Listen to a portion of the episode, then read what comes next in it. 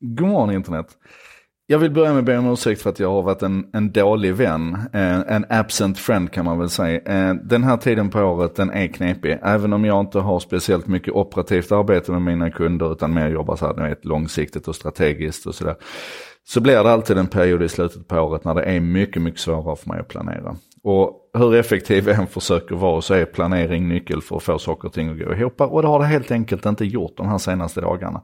Men gud vad jag saknar det. Alltså det är, det är jätteintressant för mig själv att uppleva hur, hur mycket den här dagliga kontakten med er ger mig. Både intellektuellt och emotionellt och så vidare. Så att jag saknar det när jag inte är här, det ska ni veta.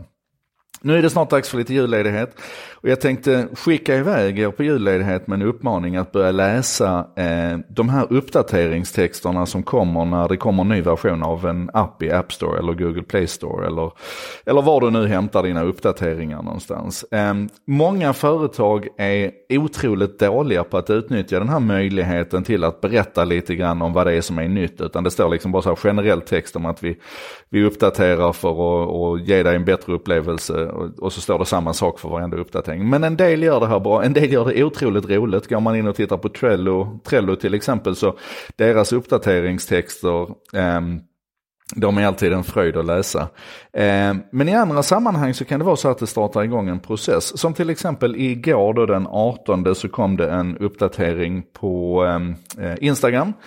Ehm, och den fick inte speciellt mycket uppmärksamhet för det mesta av det här det var känt sen innan. Men det blir ändå väldigt konkret när det kommer i uppdateringstexten. Och då var det tre saker som man hade lagt till här nu i den nya funktionen. Uh, lagt till och förbättrat. Och den första grejen handlar om det man kallar för voice messaging, alltså introducing voice messaging. Och då är det så här att i en, en, ett meddelandeflöde, eh, alltså kommunikation mellan dig och en vän eller mellan dig och några vänner i, i Instagram.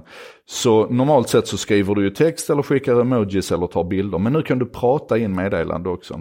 Och det här är någonting som jag har sett växa fram oerhört starkt. Framförallt i, i, i eh, WeChat och WhatsApp communities. Att istället för att man skriver meddelande eller pratar med varandra i realtid så pratar du in det vi förr kallade för mobilsvarspingis. Alltså ni vet två personer som försökte förtvivlat få kontakt med varandra men det lyckades inte så de lämnade meddelande, ömse, ömse meddelande i, i mobilsvaret istället.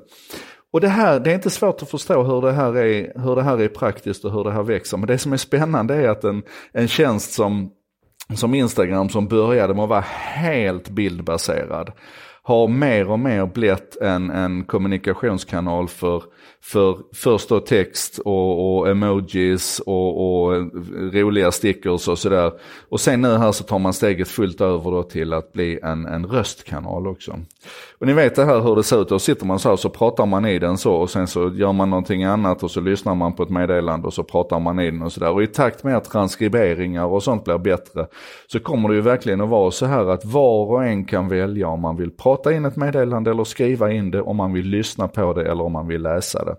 Men just det här asynkrona, det är lite häftigt, det är någonting som händer där. Den, den andra nyheten, och, och ja, så, fundera på vad det betyder. Den andra nyheten, det är att eh, man har introducerat för alla nu tydligen det som heter Close Friends List. Ett par av oss har haft det tidigare. Det är helt enkelt att du kan så här väldigt digitalt egentligen, på eller av så kan du välja om, om din story ska gå ut till alla som har tillgång till ditt konto eller om det bara ska gå till close friends. Så du kan alltså upprätta, upp, upprätta en lista som, som bara är close friends. Och det här är också någonting som är tydligt. Det är många på Instagram som har haft två konton tidigare där de har haft ett som har varit mer öppet och inbjudande och ett som har varit bara för close friends. Så nu ser ju Instagram det här och då anpassar man tjänsten efter det. Får vi se hur det håller. Det har ju varit ute på beta länge den funktionen. Eh, och den tredje då det är accessibility improvements. Där man alltså för, för människor som har, har synnedsättningar och som inte riktigt kan, kan se bilderna eller inte alls kan se bilderna. Så lägger man nu alltså in en alternativtext som då man kan få uppläst va? I, i både feed och explorer profile, profile. Så att alla som använder en skärmläsare kan höra vad bilden föreställer två människor på gräs. Den kan till och med tolka ansikte då om, om de som är på bilden har, har sett det så att den kan säga att här är Kattis och Joakim står vid havet och tittar ut eh, och skålar i champagne typ. Så får du det uppläst istället. Och det här kommer vi bara se mer och mer av hur man kan göra en, en tolkning av bild. Hela vägen ner till känsloläge kommer man att kunna, kunna tolka och, och, och därmed skapa en deskriptiv text till. Och det här är superspännande.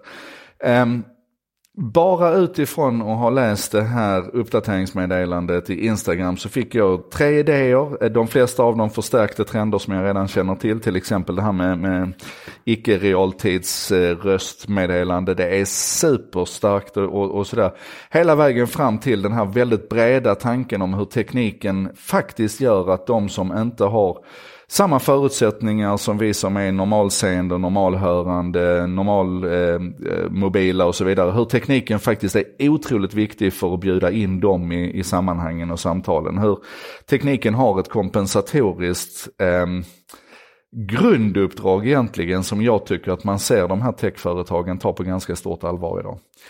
Anyway, det här var en sak idag med mig Joakim Jardenberg. Eh, vi kör väl ett par dagar till innan jul tänker jag. Eh, och sen händer det spännande saker 2019. Mer om det sen. Vi hörs.